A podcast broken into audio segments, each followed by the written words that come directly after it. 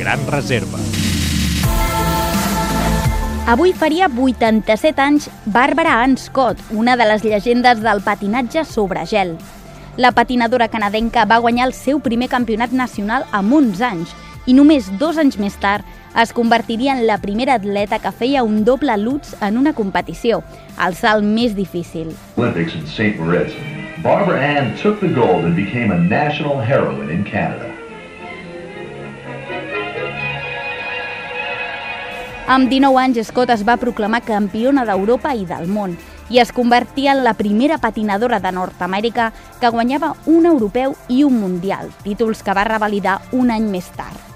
Scott va rebre en tres ocasions el trofeu Lou Marshall a la millor atleta canadenca i va ser una de les primeres esportistes que va situar el Canadà en el mapa internacional.